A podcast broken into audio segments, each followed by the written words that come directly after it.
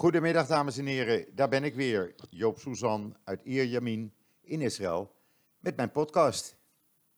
Ja, laten we eerst even over het weer beginnen, want u weet, verleden week hadden we extreme hitte in Israël. Temperatuur hier aan de kust een paar keer op 43 graden, smiddags zo rond 1 uur, half 2. En toen kregen we vrijdag opeens kou kwam het land in. En het werd vrijdagavond chilly, echt kil. Zaterdag overdag ging nog wel, maar in de loop van de middag begon het steeds kouder te worden en kwamen regenwolken. Eh, S'avonds was het gewoon fris, moest de lange broek er weer bij aan. En zondag, zondag was echt ja, helemaal niet voor deze tijd van het jaar, waarin de temperaturen zo rond de 25 tot 30 graden moeten liggen. Uh, zelfs geregend. Gistermorgen, de mensen die mij volgen op Twitter konden dat zien op een foto. kwam er opeens een enorme zandstorm. Of een storm die zand van het strand had meegenomen. En dat waaide richting uh, mijn appartement. Dus ik heb gauw alles dicht gedaan. Maar dat was na 20 minuten weer over, die storm. Heel raar. En er wordt nu ook heel duidelijk gezegd hier in Israël: ja, wen er maar aan, die extreme. Want het is allemaal onderdeel van de klimaatverandering. Ja, het zal dan wel, maar het is heel raar. Uh, nu is het uh, lekker weer. Het is uh, zo'n 25 graden. af en toe wat wolkjes, maar overwegend blauwe lucht. En de temperatuur gaat deze week inderdaad oplopen naar richting 30 graden. Betekent dat met Sabuot, wat donderdagavond begint, is het gewoon warm. Lekker strandweer. Uh, lekker weer om de natuur in te gaan. En dat zullen dus velen ook wel gaan doen, nu de stranden en uh, parken weer open zijn. Maar goed, uh, ja, dat was dus even een week van extreme, om het zo maar eens te noemen. Wat ook extreem was, en dat zult u inmiddels wel allemaal gehoord en gelezen en gezien hebben, vooral als u Joodsnel volgt, is het proces tegen premier Netanyahu dat dan uiteindelijk gisteren zijn eerste dag heeft gekend. Het was een beetje raar. Ik bedoel, uh, iedereen is onschuldig totdat je schuld bewezen wordt. Maar om dan als premier van Israël ministers op te trommelen en, en Knesset-leden van de Likud-partij op te trommelen en dan een rechtszaal een lege rechtszaal in te gaan om gauw een groepsfoto te maken van uh, de baas en zijn getrouwen. Ja, dat vind ik een beetje te ver gaan. Wat ik ook te ver vond gaan, uh, is het feit dat uh, Netanyahu in een toespraak gisteren voorafgaand aan die eerste rechtszitting iedereen de schuld gaf, behalve zichzelf. Nu is het zo, ik geef daar even een kleine achtergrond bij, maar u kunt het ook lezen op joods.nl. Vijf jaar geleden is de procureur-generaal Mandelblit door Netanyahu persoonlijk gevraagd om procureur-generaal te worden. Eh, omdat hij dacht, nou, als ik die aan mijn zijde heb, dan komt het allemaal wel goed. Nou, dat was dus een verkeerde gedachte, want Mandelblit volgt gewoon de wet. En sindsdien is hij min of meer, ja, uh, persona non grata bij Netanyahu. Hij wordt van alles en nog wat beschuldigd. Dat hij links is, dat hij uh, ook iets te verdoezelen had in de Harpas-affaire tien jaar geleden. Waar hij uh, volgens de rechters nooit iets mee te maken heeft gehad. Um, daarna werd een politiecommissaris genoemd, benoemd door Netanyahu. Ook met als opzet van, nou, deze man zal mij zo dankbaar zijn, dan zal er geen vervolging worden ingesteld, geen onderzoek. Nou, het eerste wat uh, die nieuwe politiecommissaris deed, was een, uh, het onderzoek goedkeuren. En zo is dat balletje gaan rollen. En geheel tegen de gewoonten in werd, nadat de termijn van drie jaar voor deze commissaris om was, kreeg hij geen nieuwe termijn, wat normaal gebruikelijk is van één of twee jaar en kon hij meteen het veld ruimen. Sinds die tijd heeft Israël een plaatsvervangend hoofdcommissaris van politie. Um, het tekent even de manier waarop Netanyahu om zich heen slaat. En ik vind dat niet netjes. Als je beschuldigd wordt van iets, dan, oké, zullen de rechters daarover oordelen. Maar ga dan niet iedereen eh, als links beschouwen en zeggen dat iedereen je kapot wilde maken. Want dat, ja, dat is er gewoon niet. Het gaat om feiten. Het gaat om een getuigenis, een staatsgetuige, een van zijn vroegere medewerkers, die alles op uh, band had staan uh, en dat aan de politie heeft overhandigd, omdat de man zijn baan, baan verloor. Uh, en zo zijn er nog meer dingen waar een heleboel Israëli's van zeggen: ja, oké, dit gaat even te ver. Als wij voor de rechter moeten komen, kunnen we dit ook niet maken. Ik was vanmorgen even bij de tandarts en die begon er ook over. En die zegt: Ik heb me zitten te verbijten voor de televisiescherm. Nou, ik kan u eerlijk zeggen, ik ook, want ik vond het een beschamende vertoning. En dan mag Netanyahu nog zo'n goede manager zijn, dan mag hij nog zo goed het land door die coronacrisis geleid hebben. Samen met uh, de Nationale Security uh, Council en anderen natuurlijk. Maar dan nog moet je dit soort dingen, hoor je niet te doen en moet je niet doen. We zullen zien hoe het uh, proces zich gaat ontwikkelen. eigenlijk, ja, daar zijn we het allemaal over eens wel in Israël, ieder weldenkend mens. Voorlopig hoeft Netanyahu niet op de zittingen te verschijnen, ook zijn mede-aangeklaagden niet. Dat komt pas als er sprake is van je te verweren tegen het bewijs. Nou, dat zal ergens volgend jaar zijn. Um, ga er maar vanuit dat we volgend jaar nieuwe verkiezingen hebben. Uh, omdat Netanyahu natuurlijk in september niet gaat roleren met Benny Gantz. En dan, dan, krijgen we nieuwe verkiezingen waarvan Netanyahu zal hopen dat hij die gaat winnen met ruime meerderheid.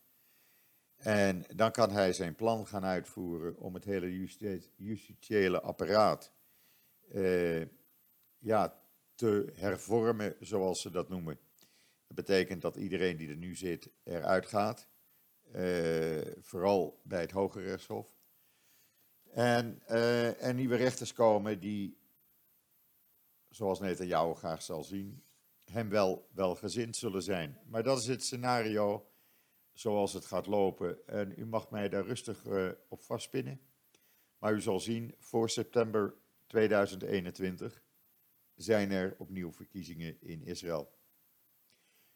En dat is alleen maar om Netanyahu uh, ja, tegen zichzelf te beschermen dat hij niet hoeft af te treden. Mocht dat anders lopen, dan zou dat een groot wonder zijn. En dat is eigenlijk uh, waar, waar slechts weinigen maar aan denken dat het echt anders gaat lopen. Maar goed, we zullen het zien. 19 juli is de eerstvolgende rechtszitting weer. En dat is allemaal uh, technisch eigenlijk. Daar komen de advocaten aan het woord. En nou ja, uh, dan gaat het, het, het, het gerechtshof met reces. Die komen dan september weer bij elkaar. Dan krijgen we de Joodse feestdagen. Dus dit jaar zal er verder weinig gebeuren in die rechtszaak. Uh, dat is even wat ik wou zeggen over, uh, over die hele kwestie gisteren. Beschamende kwestie. Uh, ook het feit dat, eh, ja, om, om, om ministers op te roepen naar die rechtszaal te komen. Om daardoor te kunnen zeggen van, het is een aanval op rechts in plaats van een rechtszaak tegen Netanyahu. Ja, sorry, maar ik vind dat dus even te ver gaan. Maar goed, dit was wat ik erover wou zeggen. Ik moest dat toch even aan u kwijt. Ja, wat gebeurt er dan nog meer in Israël? Nou, laten we het eerst even over het coronavirus hebben. We hebben nu zo'n 2500 besmettingen, iets meer. We hebben 280 doden. Uh, je kan duidelijk zien dat het uh, op zijn retour is. Uh, er komen nog maar uh, een tiental nieuwe besmettingen elke dag bij. Uh, er zijn zelfs te weinig besmettingen om 100.000 testen te kunnen uitvoeren op antibodies, op antilichamen die mensen bij zich hebben. Men is daar wel mee bezig. Maar er zijn niet genoeg zieken. Ja, en voor de rest is het weer gezichtskapjes dragen als je buiten bent je bent daar nu zo langzamerhand wel aan gewend. Alhoewel, ik vind het nog steeds geen prettig gevoel. Um, er zijn beperkingen met alles. Maar goed, de theaters gaan open op 14 juni. De treinen gaan een week eerder rijden. Er wordt ook je temperatuur opgemeten voordat je het station binnenkomt. Daar gaat men het niet handmatig doen, maar waarschijnlijk uh, wordt dat automatisch gedaan. Door uh, ja, zeg maar vergelijkbare machines zoals, of sensoren, zoals ook op het vliegveld worden aangebracht. Um, ja, zo zachtjes aan begint alles weer een beetje normaal te worden in Israël. De shoppingmalls die zijn weer druk. Ik ben afgelopen zaterdag, nee, eerst afgelopen vrijdag, heb ik voor het eerst in tien weken een van de kinderen te eten gehad op vrijdagavond. Dat was geweldig, echt. Dat was, ik heb daar zo naar uitgekeken. En afgelopen zaterdag was er een, eh, een ander eh, kleintje jarig. En ben ik voor het eerst van tien, in tien weken weer richting Tel Aviv gereden. Een beetje raar gevoel gaf dat wel. Want ik kwam nooit verder dan hier in de omgeving, door alle beperkingen en alle lockdowns die we hadden. Maar je kan er nu weer op uit. Uh, ja, je moet dat kapje altijd bij je hebben. Je moet je handen wat vaker wassen. Maar overal staat die desinfecterende zeep. Uh, je kan weer uh, winkelen. Je kan eh, wat veel Israëli's doen natuurlijk, de natuur weer in. Alhoewel ook daar beperkingen gelden om het niet te overvol te maken. We kunnen weer naar het strand. Ook daar moet je weer uit elkaar zitten en natuurlijk een mondkapje dragen, alhoewel niemand dat doet, want het is, ja, je kan niet elke keer de zee in en dat mondkapje weer af en dan weer op en dan weer af. Daar word je ook tureluurs van. Dus de politie laat dat maar. Alleen geen grote groepen bij elkaar en alleen families bij elkaar. Nou, Plotseling zijn alle vrienden familie van elkaar. Dus zitten er toch grote groepen. Maar goed, eh, ik denk zelf dat de, de, het, het, besmettingsgevaar ook door de hitte, daar geloof ik toch ook wel een beetje in. En door het feit dat we natuurlijk door het mooie weer veel vitamine D krijgen en vitamine C. Maar vitamine D schijnt belangrijk te zijn eh, voor je gestel in het gevecht tegen het virus ja, dan, dan ziet het er allemaal letterlijk en figuurlijk uh, wat zonniger uit hier.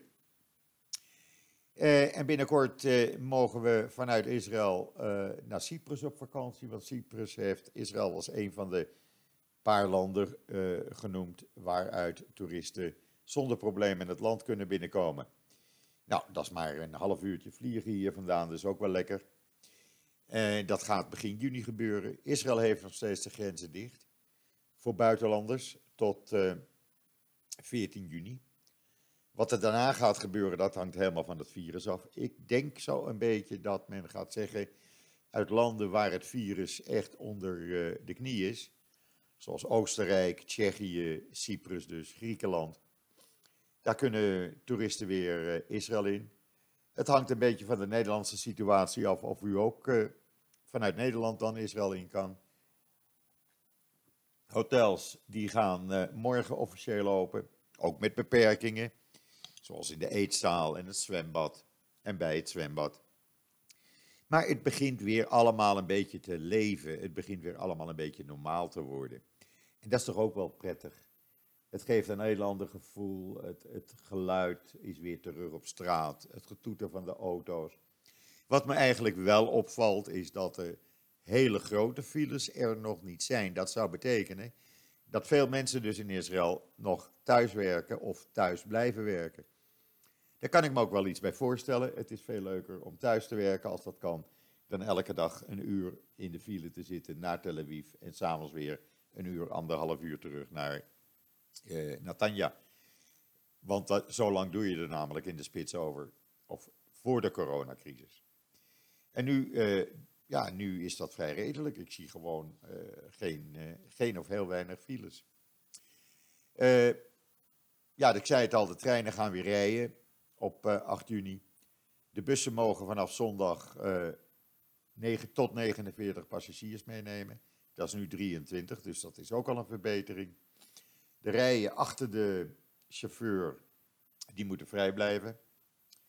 Uh, in de meeste bussen moet je ook uh, in het midden of achterin instappen en daar je kaart even, je RAF-kaart, is de openbaar vervoerkaart in Israël, even in de machine doen, in de automaat.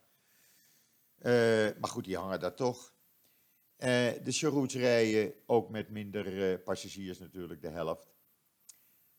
Taxis rijden, die mogen nu twee passagiers op de achterbank meenemen. Scheelt toch ook weer. En dan hoeven niet eens familie van elkaar te zijn.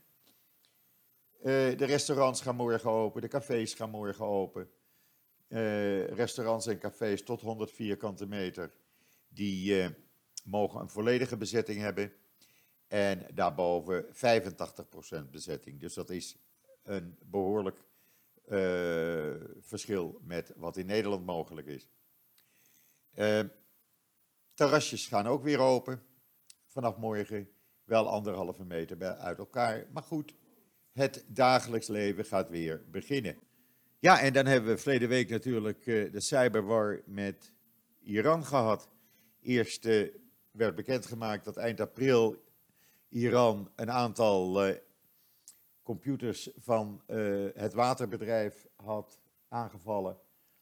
Nou, daar is eigenlijk weinig problemen doorgekomen. En de IDF heeft even een boodschap gestuurd van we zitten in jullie computersystemen door het hele computersysteem van een van de grootste containerhavens in Iran plat te leggen.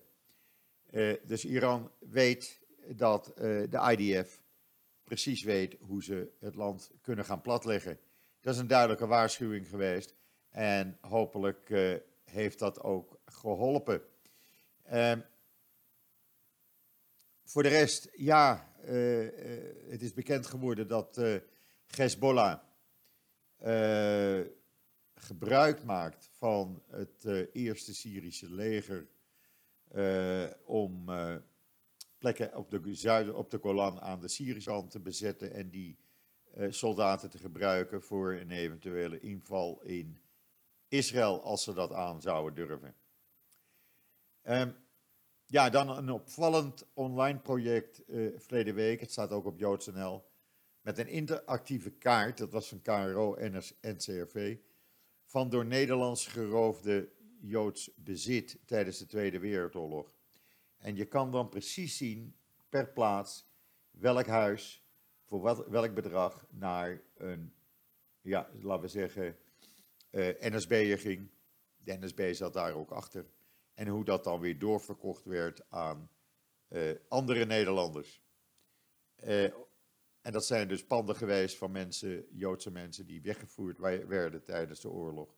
Of in ondergedoken zaten en die bij terugkomst geen huis meer hadden. En die kaart die staat online. U kunt hem ook zien op JoodsNL. En bent u geïnteresseerd, zou ik echt zeggen, ga er eens even een kijkje nemen. Dan gaat ook het Joods Cultureel Kwartier in Amsterdam weer open op 1 juni. Dus ga het bezoeken, want ze verdienen het. Tel Aviv trouwens maakt van 11 straten nu permanent een voetgangersgebied. Ook al om restaurants in het centrum en cafés meer ruimte te geven voor het maken van uh, terrasjes. Uh, dan gaat de auto uh, eruit. Nou, ik vind dat een prima zaak. Voor mij mogen er meer straten in Tel Aviv en ook hier bijvoorbeeld in Natanja, waar het in het centrum heel druk is.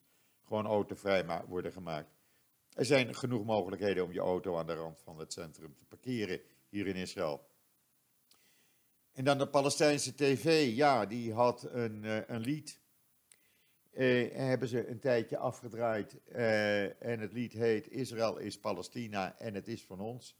Nou, u kunt het lezen en luisteren en zien op joods.nl. dezelfde Palestijnen die alle banden met Israël nu hebben verbroken, ook de uh, security samenwerking. Dat maakt het risico op terreuraanslagen iets groter. Uh, alhoewel natuurlijk de IDF, eh, zoals altijd, zegt van wij gaan op een, onze eigen know-how af. Maar soms kwamen er inlichtingen vanuit de Palestijnse politie richting IDF en konden terreuraanslagen voorkomen worden. Hopelijk gebeurt daardoor niets ernstigs. Ik denk dat de Palestijnen zichzelf daarmee in de voet schieten. Want door alles met Israël te verbreken, ja, uh, alles is gericht op Israël. Het geld wat ze gebruiken is de Israëlische shekel. De energie, de elektriciteit komt uit Israël. Uh, het water komt uit Israël. Het meeste voedsel komt uit Israël. En het is een beetje onhandig van ze om dan te zeggen: wij willen niets meer met Israël te maken hebben. Nou, ik denk niet dat de Palestijnse bevolking dat lang uh, gaat blijven pikken. Uh, dan de Israël Aircraft Industries, die heeft een taxibot, een elektrische, ook op afstand te bedienen auto of zo'n groot voertuig waarmee je vliegtuigen verplaatst. En die hebben ze nu, zijn ze aan het testen ook op Schiphol. Uh, en dat is een heel groot uh, gevaarte met de letters BT erop. Bent u op Schiphol, dan kunt u hem zien hoe dat werkt. Het is toch wel weer mooi dat het allemaal uit Israël komt. En daar hebben ze in Iran toch wel weer een probleem mee. Nu er een wet is aangenomen dat er niets vanuit Israël gebruikt mag worden.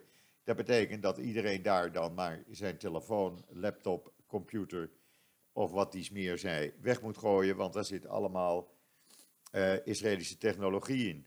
Ik vraag me af of men dat als burger ervoor over heeft. En diezelfde burgers uit Iran, daar zijn duizenden mensen die allerlei vragen stellen dagelijks aan de IDF of uh, aan het ministerie van Buitenlandse Zaken, die een uh, site in het Farsi online heeft. En dat is natuurlijk prachtig dat dat op deze manier kan en dat die mensen daardoor informatie vragen en ook antwoorden krijgen.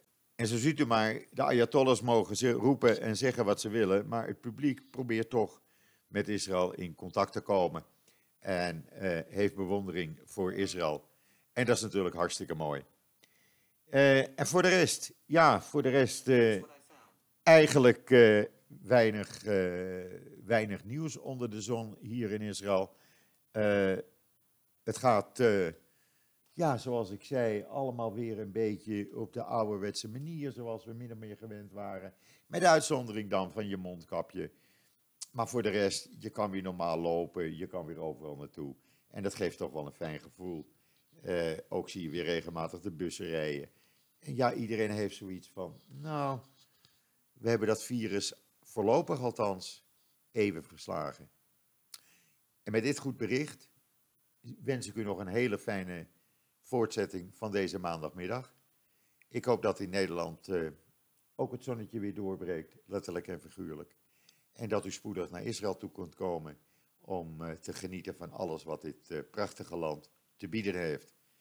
En wat mij betreft zeg ik tot ziens, tot donderdag.